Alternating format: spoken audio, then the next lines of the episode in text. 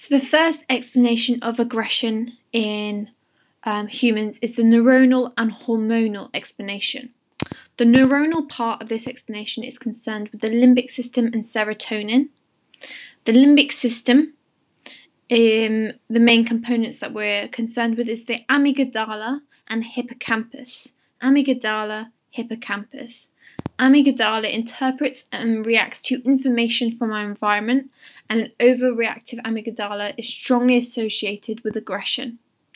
The hippocampus, on the other hand, is involved in the formation of long term memories, and an impaired hippocampus often leads us to us responding inappropriately to stimuli as we are unable to put um, the stimuli into context.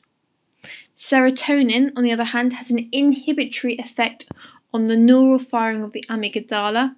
Therefore, low levels of serotonin result in increased um, neural firing and therefore more aggression.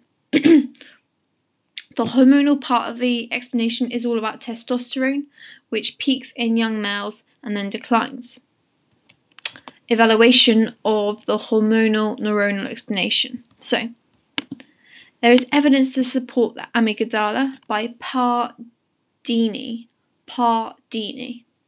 Pardini carried out a longitudinal study of all male participants with varying levels of aggression.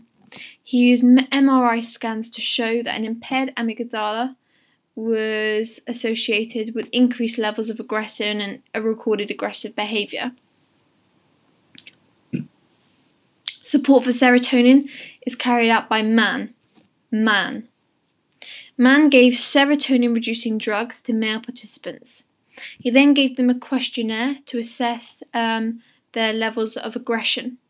Those in the drug condition rather than the control condition reported higher levels of aggressive feelings and behaviours, um, although the sample is limited generalizability because it was all males. There is much support for testosterone with animal studies for example, increasing testosterone levels with drugs, showing increased aggressive behavior, and equally castration, where the male organ that produces um, um, testosterone is removed, reduced levels of aggression, and then there's also supporting evidence from saliva um, tests, which is an objective way of measuring hormone levels, as there are high levels of testosterone in violent offenders over non violent offenders.